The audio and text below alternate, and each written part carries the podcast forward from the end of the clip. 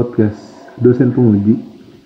Tapi di kesempatan kali ini saya bakal uh, membawakan rubrik atau sub bahasan yang sebenarnya ditujukan untuk perkuliahan ya. Perkuliahan dan khususnya di dunia teknologi dan fokusnya lagi di multimedia desain dan lain sebagainya. Rubrik ini saya namakan proper podcast untuk perkuliahan ya. Proper ya, jadi harus disiapkan sedemikian rupa.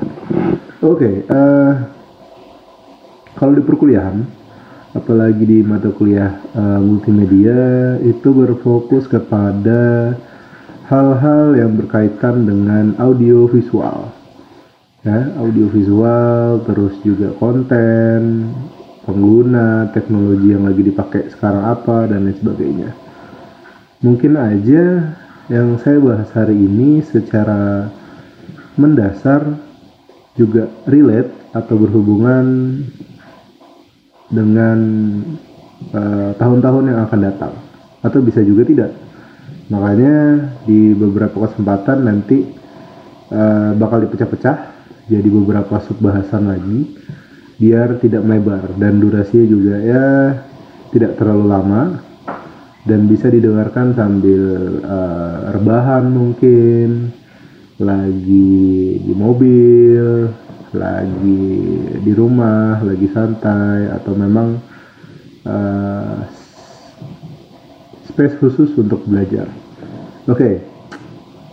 di hari yang cerah ini uh, kita bakal coba bahas sedikit tentang fenomena 15 detik. Ya, fenomena 15 detik. Di mana 15 detik ini uh, ya 2019 2020 mungkin juga dua atau tiga tahun ke depan menjadi format yang semakin banyak digandrungi oleh uh, teman-teman anak muda atau konten-konten kreator yang ada di dunia digital. Secara nggak langsung ya, kalau kita ngomongin durasi, secara umum subjektif sebenarnya. Kenapa subjektif? Ya kita semua punya selera masing-masing lah ya ibaratnya. Punya uh, sarana atau prasarana atau modal masing-masing. Ada yang modal unlimited untuk menikmati konten ada yang dibatasi kuota mungkin ada yang gratisan atau paket-paket malam gitu kan. Kita tidak bisa memaksakan hal itu. Makanya durasi itu biasanya jadi salah satu kunci yang eh, harus diperhatikan dalam suatu konten. Apalagi konten digital rata-rata kalau berkaitan dengan uh, media digital secara umum lagi-lagi 30 menit itu lama nggak sih? Balik lagi ke siapa atau kontennya seperti apa. Kalau film ibaratnya ya pasti panjang film panjang. Ada juga film pendek 10 menit 15 menit uh, 30 menit 45 menit itu bisa di bisa diambil makna atau pesannya. Dan hari ini kita berhadapan pada durasi yang lebih pendek lagi yaitu 15 detik. Oke okay, 15 detik kawan-kawan. Teman-teman mahasiswa mahasiswi yang saya cintai semuanya 15 detik tahan napas 15 detik aja. Masih bisa kan 5 menit baru ah meninggal begitu ya. Oke okay, uh, eh, kenapa kok 15 detik gitu? Apakah orang-orang mulai bosan? Apakah wah saking saya ini sibuk kok cari kesibukan. Wow wow wow makanya jangan terlalu lama video atau kontennya pak. Atau bisa juga oh waktu saya terbatas. Jadi kalau nonton terlalu panjang nanti habis dan pulsa saya kemakan kalau ada pulsanya. itu jadi uh, momok ya seperti saya bilang tadi. Uh, ada alasan yang memang jadi secara saintifik atau secara ilmiah bisa dijelaskan dan ini ada beberapa ulasan ya. Apalagi kalau kita mengacu kepada platform khusus kayak Instagram, TikTok, eh, bahkan YouTube juga ya ada uh, story-nya juga sekarang yang 15 detik karena ada riset yang mengatakan Gen Z atau generasi Z di mana umurnya sekarang uh, ya teman-teman yang lahir di tahun 2000-an lah ibaratnya gitu ya. 2000 ke atas lah. Itu hanya bisa fokus rata-rata ya nggak semua ya rata-rata eh, nggak uh, lama waktunya. Cuma 8 detik rata-rata.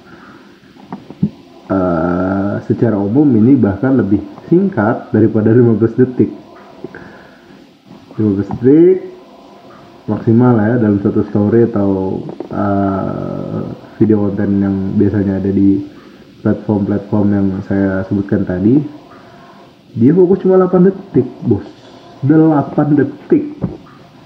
Ya. Uh, mungkin dia berpikir cepat pak. Uh, belum tentu. Nanti kita bakal coba bahas lebih uh, detail lagi. Dan risetnya ini uh, 2019 ya 2019 terus juga punya apa ya meaning atau punya latar belakang. Kenapa cuma 8 detik sih attention atau fokusnya? Ternyata setelah dikulik-kulik dicari-cari tahu di uh, teliti lebih dalam ternyata karena dari lahir dari bayi atau balita mereka sudah paham konten mana yang mereka suka. Jadi mereka lebih selektif. Oke. Okay? Saya ulangi. Dari lahir nih, dari lahir balita atau anak-anak mereka udah tahu, wah ini saya suka ini Pak, Bu, Kak. Wah ini kayaknya nggak terlalu suka saya. Secara nggak langsung mereka adalah picky. Ya mereka terlalu picky atau terlalu memilih dan uh, menimbulkan perilaku selektif tadi ya. Apakah itu negatif? Nggak juga. Apakah itu suatu kelainan? Nggak juga.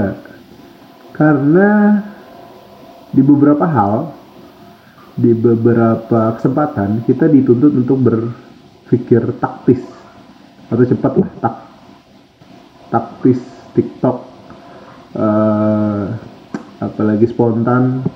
Uhui wah uh, dalam waktu atau saat itu juga dan secara nggak langsung uh, ada statement ya dari Angga Anugrah Putra atau di sini jabatannya katanya Head of User and Content Operations TikTok Indonesia punya uh, latar belakang atau riset yang seperti yang saya uh, jelaskan tadi.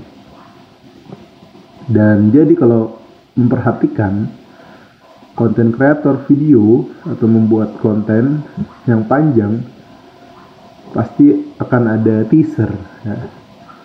teaser terus trailer baru kontennya. Kok ada teaser lagi pak? Apaan nih teaser? Dari bahasanya aja kita sudah tahu tease ya. ngintip atau menyelinap atau ya cari tahu sedikit. Dari yang sedikit trailer. Trial trial. Coba-coba nih ibaratnya terus saya coba coba dikit. Nyantap bahasa bahasa Samarindanya ya. Atau bahasa Kaltimnya itu nyantap ibaratnya gitu. Salah ya sih? Nggak juga nggak juga. Uh, itu jadi apa ya? Suatu fase di mana apa yang kita mau atau apa yang kita cari kita udah tahu duluan lah walaupun cuma sedikit ya ingat baru sedikit ya, belum secara full dan itu bisa disebut highlight, teaser, trail, trailer dan lain sebagainya tadi. Oke, kita lanjut. Secara umum, detik atau 15 detik tadi punya apa ya ibaratnya kayak uh, perhatian atau attention yang difokuskan atau dipepetkan atau dikompres atau dimaksimalkan dalam waktu yang sangat-sangat singkat. Dan of course tidak detail ya. Tapi kita tahu meaningnya. Oh nih videonya tentang ini nih. Oh ini uh, ulasannya tentang ini nih. Oh ini beritanya tentang ini gitu. Secara umum ada data juga nih uh, dari TikTok ya lagi-lagi bahwa orang Indonesia plus 62 plus 62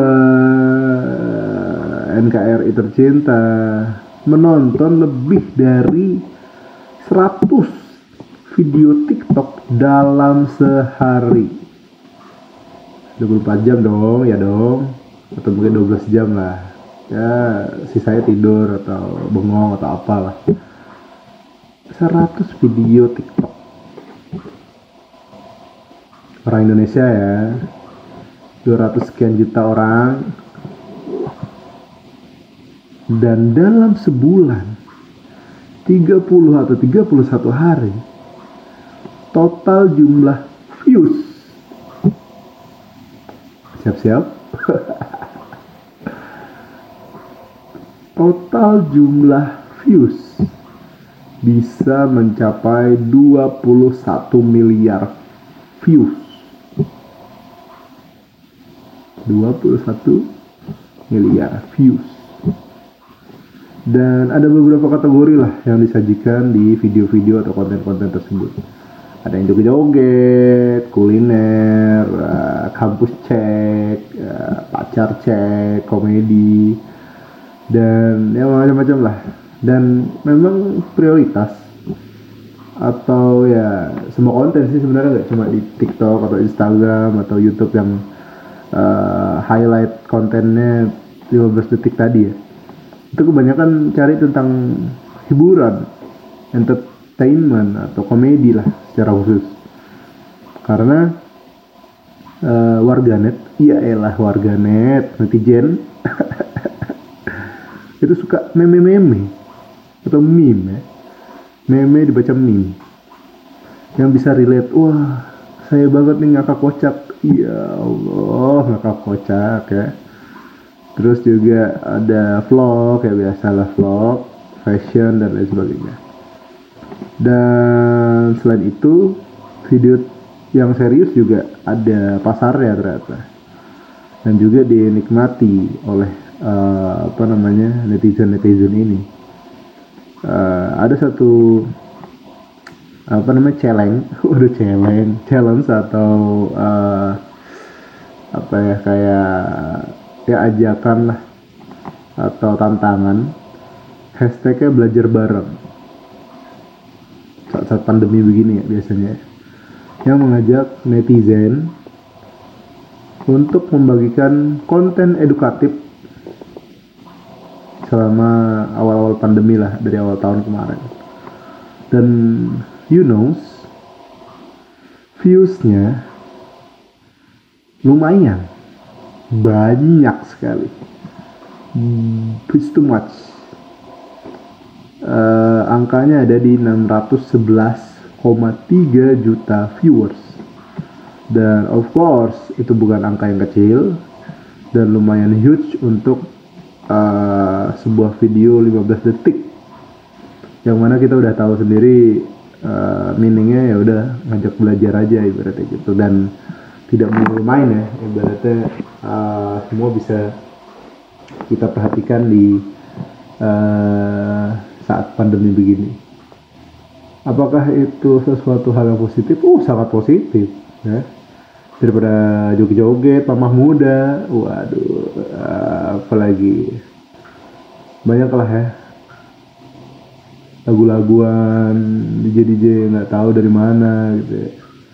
Tapi ada satu hal yang mengganjal dan saya nggak tahu apakah ini udah uh, dibahas secara official atau belum ya terkait copyright sih. Kalau di YouTube kan jelas tuh ya copyright. Copyrightnya adalah kalau nggak salah 15 detik atau kurang dari itu ada beberapa bar dari lagu atau percakapan atau uh, bunyi-bunyian lah ibaratnya gitu ya. Itu udah uh, terdetek copyright dari video atau sound yang sebelumnya. Kalau di TikTok saya nggak tahu gimana uh, polanya. Tapi yang pasti itu jadi perhatian sih karena uh, ya kita semua pengen dihargai lah ibaratnya siapa pun itu tidak pandang bulu karena yang membuat suatu karya atau memproduksi suatu apa ya uh, hal yang memang bisa bermanfaat itu patut dihargai. Ya paling nggak dimention mungkin syukur-syukur dibayar atau ada royaltinya dan uh, lain sebagainya. Apakah ini suatu fenomena baru? Enggak juga sebenarnya. Enggak juga, tapi karena kebanyakan atau bonus demografi di Indonesia untuk tahun ya sebenarnya mulai dari lima tahun ke belakang sampai uh, ya 10 tahun atau 15 tahun ke depan hampir 60 atau 65 persen bahkan 70 persen ya penduduk Indonesia. Itu ya anak-anak muda maksudnya anak muda ya ibaratnya uh, eh, SMA sampai umur 30 tahunan lah ibaratnya gitu dosen-dosen milenial atau uh, gen Y, gen Z ibaratnya apalagi ada adik kita uh, apa ponakan-ponakan kita mungkin. Itu adalah ya saat-saatnya mereka. Dan untuk mengontrol itu semua ya tergantung ke pengawasan masing-masing. Kalau misalnya masih anak-anak. Kalau memang masih dewasa sudah dewasa ya harusnya kalian tahulah membatasi diri sendiri gitu ya uh, nggak harus dicekokin lagi atau gimana. Dan kalian tahu mana yang bermanfaat mana yang untuk hiburan dan mana yang jangan kebablasan. Atau bisa dijadikan profesi pak. Tiktokers tuh atau apalagi selebgram. Ya monggo. Kalau misalnya memang itu jalan ninja kalian wah itu bisa di uh, apa bisa dijadikan sesuatu ya atau bermanfaat lah. Intinya mah manfaat aja dah kagak usah oh ini TikTok ini merusak moral bangsa. Wow. Bahkan ya even literally which is wah. Wikipedia pun yang menjadi dasar uh, apa pun yang mau kita cari ada di sana itu pun ada konten negatifnya. Apa itu konten negatif dari Wikipedia? Adalah sumber. You know sumber dan tidak semua sumber valid di Wikipedia uh, for your information dan itu bisa diedit oleh siapa saja. Dan kalau dia edit bagus ya nggak apa-apa atau ditambahin informasi yang ada sumber jelasnya. Tapi kalau di otak atik ya mohon maaf ibaratnya gitu. Apakah Wikipedia tidak memfilter? Mungkin filter tapi ya mungkin tidak semuanya. Apa pun mah kontennya kalau di dunia digital ya nggak cuma video atau uh, lagu atau suara atau apa namanya uh, tulisan. Tapi apa pun yang ada di uh, dunia digital hari ini manfaat atau apa yang bisa diambil dari konten tersebut ya tergantung siapa yang melihat ya. Wah itu kok video sampah? Banyak yang nonton pak. Iya Allah. Sampah-sampah begitu tapi kan biasanya oh ada apa nih? Coba diklik ditonton. Wah ini sampah tapi ditonton. Sama aja. Wah ini sampah tapi di komen. Engagementnya naik. Believe it or not you like or unlike it's impactful. Terus kalau nggak suka ya gimana pak? Namanya ada di trending wah ya udah. Let it go aja ibaratnya sama kayak Elsa Projen. Nggak suka ya udah tinggalin nggak usah direspon nggak usah diklik nggak usah ditonton nggak usah dikomen apalagi di share oh ini coba lihat ini video sampah tapi di share atau di broadcast kadang. Oke? okay? Jadi uh, masalah durasi sih sebenarnya tergantung era ya. Dan tergantung uh, seberapa detail seberapa tidak detail.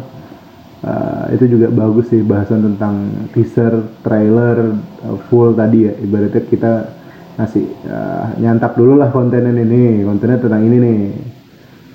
Responnya gimana? Nah itu boleh buat ngelempar lah ibaratnya lempar asumsi awal atau impresi awal. Apakah boleh? Boleh, boleh sekali.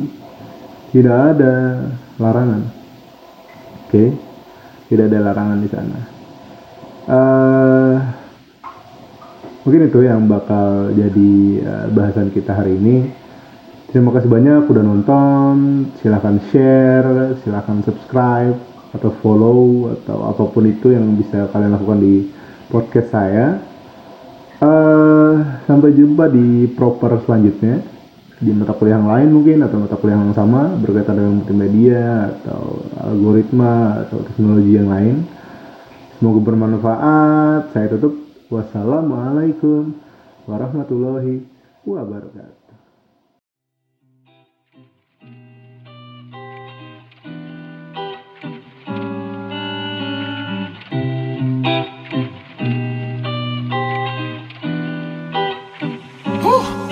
go.